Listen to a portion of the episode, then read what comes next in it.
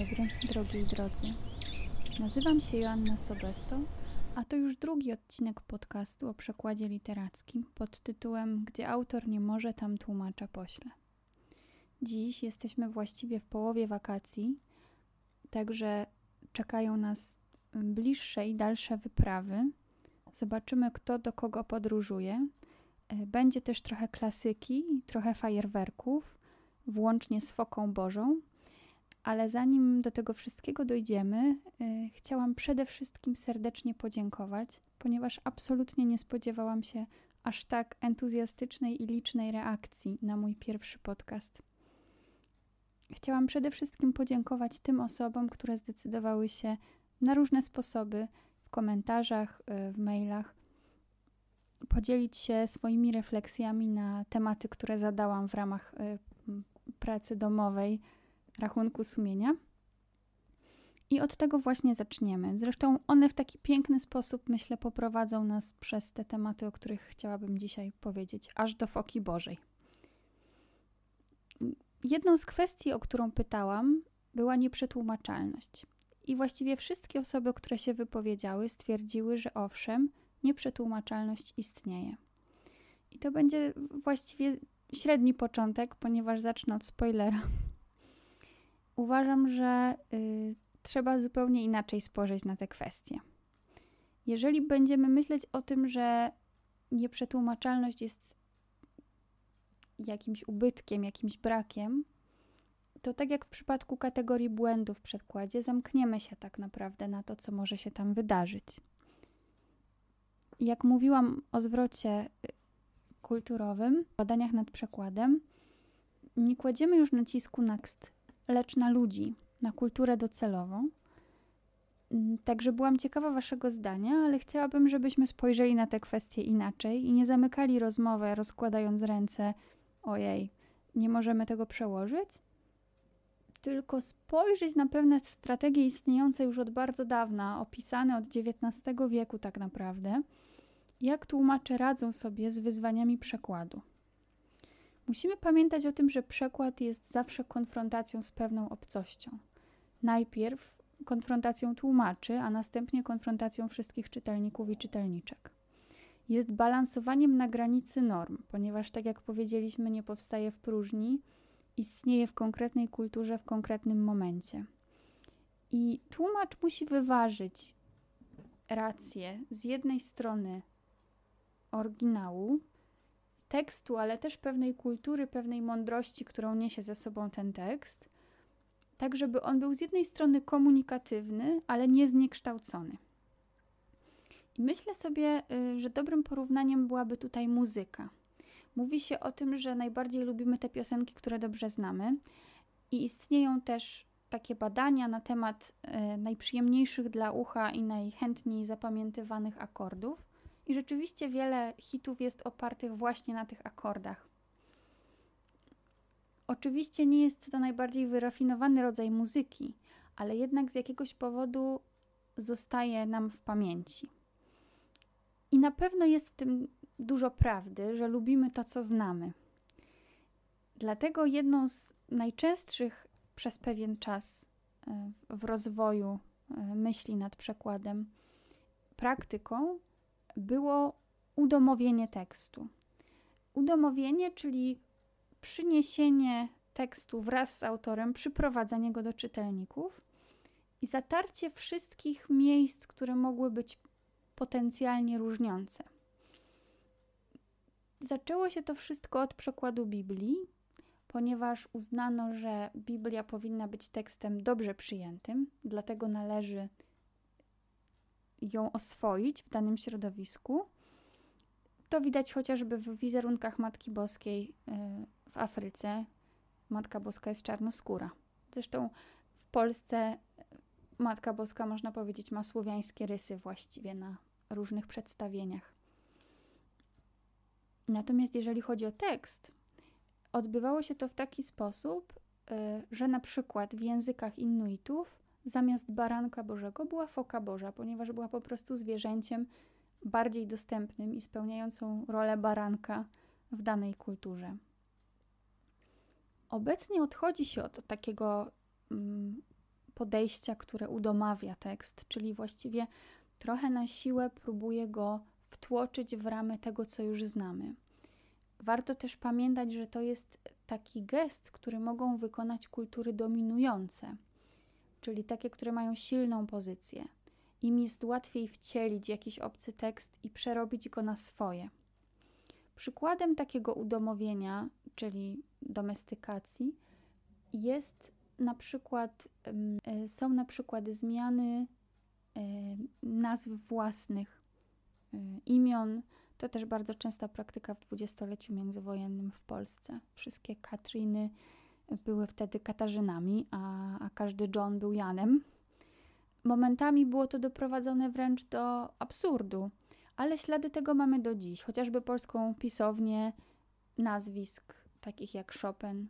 Drugą teorią, dużo częstszą obecnie, jest tendencja odwrotna, czyli egzotyzacja, od angielskiego foreignization, zwana też czasem forenizacją, czyli zabranie ze sobą czytelnika do autora. Wtedy kładziemy nacisk na to, co nas różni. Jest to tendencja o tyle dobra, że nie stwarza iluzji, że wszystko między nami jest takie samo, że jest bardzo do siebie podobne. Natomiast istnieje spore ryzyko. Istnieje ryzyko odrzucenia tego przekładu na wstępie, niekomunikatywności. Człowiek dąży zawsze do interpretacji, a w interpretacji szuka sensu. Więc jeżeli komunikat, który otrzymuje, jest dla niego zupełnie pozbawiony kontekstu, może się na ten tekst kultury zamknąć i nie chcieć z nim obcować. Także jest to tendencja ryzykowna, ale wydaje mi się dużo bardziej prawdziwa. I to nie są tylko teoretyczne rozważania, i to nie są historyczne też rozważania w kontekście na przykład y, misjonarzy i przekładu Biblii, tłumaczenia pewnych teorii teologicznych. To się odbywa na wielu płaszczyznach. To jest też zjawisko, z którym mieliśmy do czynienia w kolonializmie. Myślę sobie chociażby o takim geście zmieniania nazw własnych przez kolonizatorów. Tutaj akurat myślę o Hongkongu w tym momencie. Y, zmienianie y, imion i nazwisk y, osób z Hongkongu na takie, które było kolonizatorom łatwo wymówić. I właśnie egzotyzacja pozwala uchronić tekst przed dominacją kultury przyjmującej. Warto jednak pamiętać, że egzotyzacja nie oznacza w praktyce zostawienia danie, danego słowa w obcym języku. To nie jest, to nie jest gest neutralny. Jeżeli zostawiamy jakieś słowo, załóżmy w tekście angielskim pojawia się słowo francuskie, jeżeli zostawimy je po francusku, to ono zupełnie zmienia znaczenie, dlatego że zmienia kontekst. Relacja między polszczyzną a językiem francuskim jest inna niż między angielszczyzną a językiem francuskim. Zresztą akurat w przypadku angielszczyzny, na przykład w tekstach naukowych, jeżeli posługujemy się pewnymi tytułami powieści, bardzo często operujemy tytułami oryginału, nie używamy tych angielskich. W Polsce robimy raczej, korzystamy z, y, z polskich odpowiedników tytułów, więc to też trochę zależy od przyjętej konwencji, ale warto pamiętać, że słowo francuskie mm, znaczy zupełnie co innego w tekście polskim, a zupełnie co innego w tekście angielskim. I tutaj w jednym z komentarzy pojawiło się jako dowód na nieprzetłumaczalność przywołanie klasycznego już y, tajemniczego i mistycznego dzieła Jamesa Joyce'a, czyli jego, ostatniej, jego ostatniego utworu Finnegan's Wake. To jest rzeczywiście ciekawe, bo do tej pory powstało 10 przekładów Finnegan's Wake, opasłej księgi, nazywanej przez niektórych najbardziej tajemniczą książką XX wieku, która zawiera w sobie, w zależności od tego, jak to policzymy, od 30 do 100 języków.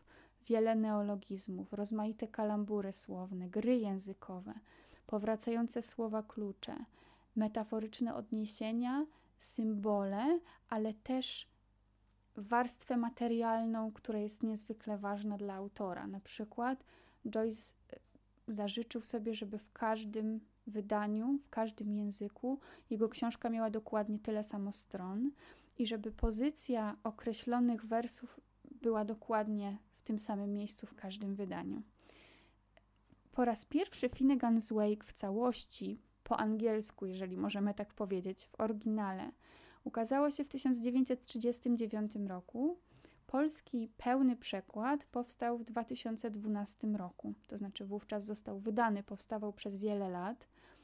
Autorem tego przekładu jest Krzysztof Bartnicki i muszę przyznać, że czytając jego wrażenia z pracy przekładowej, można, nie wiem jakby to było dzisiaj, ale w momentach, kiedy, kiedy on się wypowiadał na temat pracy przekładowej, wydawał się sfrustrowany, zmęczony. Mówił o tym, że nie sądzi, żeby ktokolwiek podjął w najbliższym czasie podobny wysiłek. Mówił o pewnym rozczarowaniu i frustracji przy pracy, o tym, że postęp prac mierzył w linijkach tekstu, a nie w stronach po kilku godzinach pracy. Nic dziwnego, ponieważ e, Finnegan's Wake jest takim właśnie fajerwerkiem, którym interesowali się też filozofowie, między innymi Jacques Derrida, który właściwie dwóm słowom e, tego ogromnego tekstu poświęcił rozprawę. Mm, jedno słowo jest angielskie, drugie słowo jest albo angielskie, albo niemieckie. Jest albo angielskim rzeczownikiem, albo niemieckim czasownikiem. I Derrida poszukiwał w, w tych słowach boskości. Bardzo wiele można na ten temat znaleźć, nie będę już teraz więcej o tym opowiadać, ale rzeczywiście jest to dzieło przesycone odniesieniami kulturowymi i zwraca ono uwagę na pewną prawidłowość pracy tłumaczy w ogóle. To znaczy, praca tłumacza nigdy się nie kończy. Nie ma takiego momentu, tak myślę, kiedy tłumacz może powiedzieć: Dobrze, ten przekład jest już skończony. Dlatego, że przekład jest przede wszystkim lekturą, a więc interpretacją. Nie ma granic interpretacji. Ona się zmienia też w zależności od kontekstu, ale z własnego doświadczenia niewielkiego ciągle mogę powiedzieć, że czasami w podjęciu tej decyzji o zakończeniu przekładu pomagają zupełnie inne czynniki, bardzo pragmatyczne, jak chociażby deadline albo pewne zmęczenie, takie poczucie, że dany tekst y, jest już tak bardzo blisko nas, że musimy się od siebie oddalić, żeby móc siebie jeszcze raz zobaczyć. Także nie tylko dzieła totalne, w których istotne jest wygląd, material, materialność danej książki, ten sposób funkcjonują. Nawiasem mówiąc, Finnegan's Wake zostało wydane przez e, krakowskie wydawnictwo Hart w ramach serii Liberatura, która obfituje w takie, w takie książki, w których materialność jest też niezwykle ważna. To są książki nie wyglądające jak standardowe pozycje, które możemy znaleźć u siebie na półkach, czasami w formie luźnych kart, czasami w formie pasków stron posklejanych, jak w przypadku 100 tysięcy miliardów wierszy Raymonda Queneau. I to też jest bardzo ciekawe, że jest sporo, jest sporo przekładów wśród dzieł wydanych w serii Liberatura. Teraz chciałabym się odnieść do komentarza, który miał włożyć kij w szprychy, że jeśli tłumaczenie to tylko barańczak. Wbrew pozorom nie jest to taki straszliwy kij w szprychy, ponieważ idealnie nam tutaj y, się barańczak z Joyce'em łączy, y, dlatego że Barańczak jako poeta oraz tłumacz, ale też osoba o ogromnej świadomości pracy przekładowej, teoretyk przekładu, miał swój pogląd na temat tłumaczenia poezji. opublikował taki tekst o bardzo barokowym tytule Mały, lecz maksymalistyczny manifest translatologiczny, albo tłumaczenie się z tego, że tłumaczy się wiersze również w celu wytłumaczenia innym tłumaczom iż dla większości tłumaczeń wierszy nie ma wytłumaczenia. Jeżeli ktoś do tej pory nie zetknął się bliżej z Barańczakiem, myślę, że już ten tytuł pokazuje, jak bardzo autoironiczny nieco efekciarski e, to pisarz, poeta e, i tłumacz. Zdaniem Barańczaka nadrzędną motywacją tłumaczy, którzy decydują się na ponowny przekład tego samego tekstu poetyckiego, jest ambicja. Wcale nie chęć szlachetna skądinąd przybliżenia tekstu czytelnikowi, lecz ambicja. Barańczak powiada: Przekładam, bo potrafię nie gorzej niż autor i lepiej niż poprzedni tłumacze. To jest taka dość już klasyczna koncepcja, to znaczy traktuje się ją z pewnym przymrużeniem oka, czy też znajomością kontekstu wypowiedzi Barańczaka w ogóle. Natomiast warto wspomnieć o refleksji teoretycznej, jaką na temat przekładu ma Barańczak. Barańczak tworzy takie pojęcie dominanty semantycznej. Jego zdaniem w przekładzie trzeba przede wszystkim odpowiedzieć sobie na pytanie, co w danym tekście poetyckim jest najważniejsze. Jaki jego aspekt? Właśnie czy jakiś aspekt materialności, czy sposób, w jaki tekst jest ułożony na stronie, czy jego brzmienie, czy to w zakresie rymów, czy jakichś innych środków poetyckich, czy na przykład sugestywny język, czy jakiś inny rodzaj chwytu. Trzeba zidentyfikować to, co jest najważniejsze, a następnie oddać to prawdopodobnie kosztem tych pozostałych poziomów tekstu literackiego, które, jak już ustaliliśmy, nie są najważniejsze. Myślę, że dla wielu osób oczywistym jest, że takie podejście niesie ze sobą pewne ryzyko. Ja jestem osobą, która ogólnie ma sporo wątpliwości i lubi się przyglądać życiu z różnych stron. I myślę, że bardzo trudno byłoby mi powiedzieć, że jestem absolutnie przekonana, co jest do, dominantą semantyczną danego tekstu. Nie chciałabym tego musieć robić. Też zupełnie inaczej sytuacja wygląda, jeżeli autor tłumaczonego przez nas wiersza żyje. Być może jesteśmy w stanie się z nim skontaktować, choć nie mamy gwarancji, że będzie chciał z nami w ogóle rozmawiać.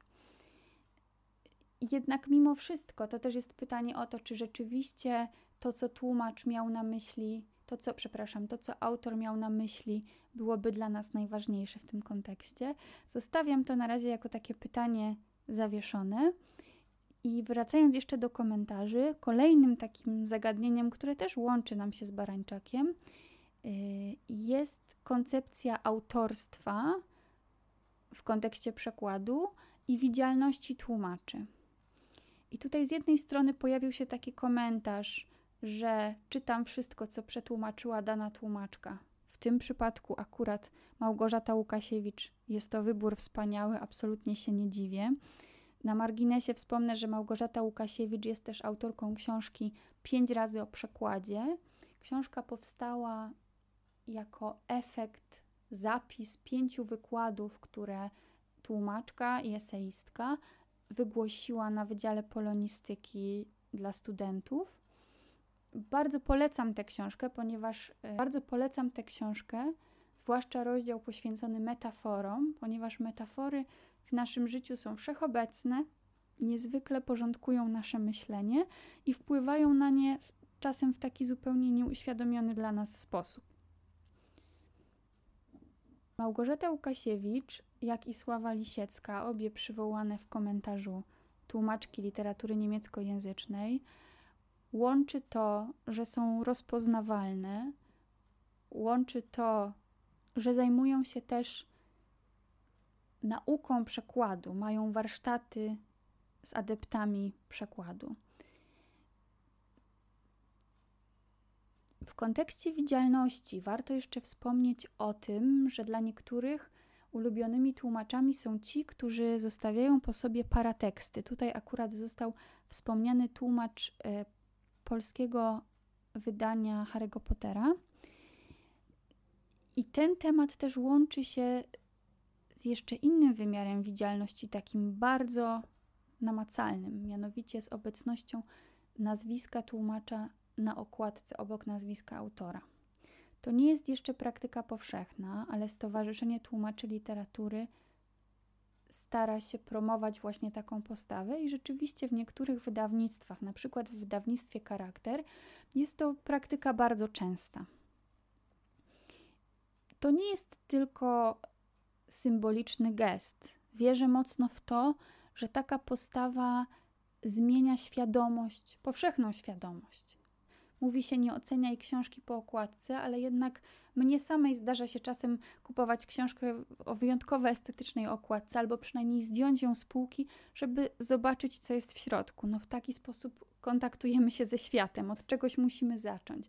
Więc myślę, że jest to piękny, oddający sprawiedliwość gest, ale też pewne zobowiązanie wobec tłumacza, ponieważ tłumacz już nie pojawia się gdzieś tam skryty w środku, ale też bierze pełną odpowiedzialność za tę książkę. To też wydaje mi się ważny, ważny wymiar. Jeżeli chodzi o parateksty, to też warto pamiętać o tym, że nie wszyscy tłumacze mm, i tłumaczki mają prawo do paratekstów. Jednak tutaj wydawca jest taką instancją, która bardzo często zleca dany paratekst, czy to posłowie, czy to przedmowę. Y, czasami nawet negocjuje się zakres przypisów, więc ten głos tłumacza, tłumaczki zależy od takich instancji pozatekstowych właściwie. I znów jest to pewien rodzaj, powiedzmy, politycznego wyboru. Myślę sobie, że te dzisiejsze refleksje pokazują nam, zarówno jeżeli myślimy o paratekstach, jeżeli myślimy o tytule, jeżeli myślimy o tłumaczu, tłumaczce jako pewnym przewodniku, który jest dla nas marką i jest dla nas rekomendacją, i nawet jeżeli nie znamy danego autora, autorki, nie znamy danego wydawnictwa, tytułu, to spodziewamy się, że za tym konkretnym tłumaczem, tłumaczką stoi pewna jakość, pewien styl, który jest nam bliski. W następnym podcaście chciałabym, żebyśmy zastanowili się nad tym, kim są tłumacze.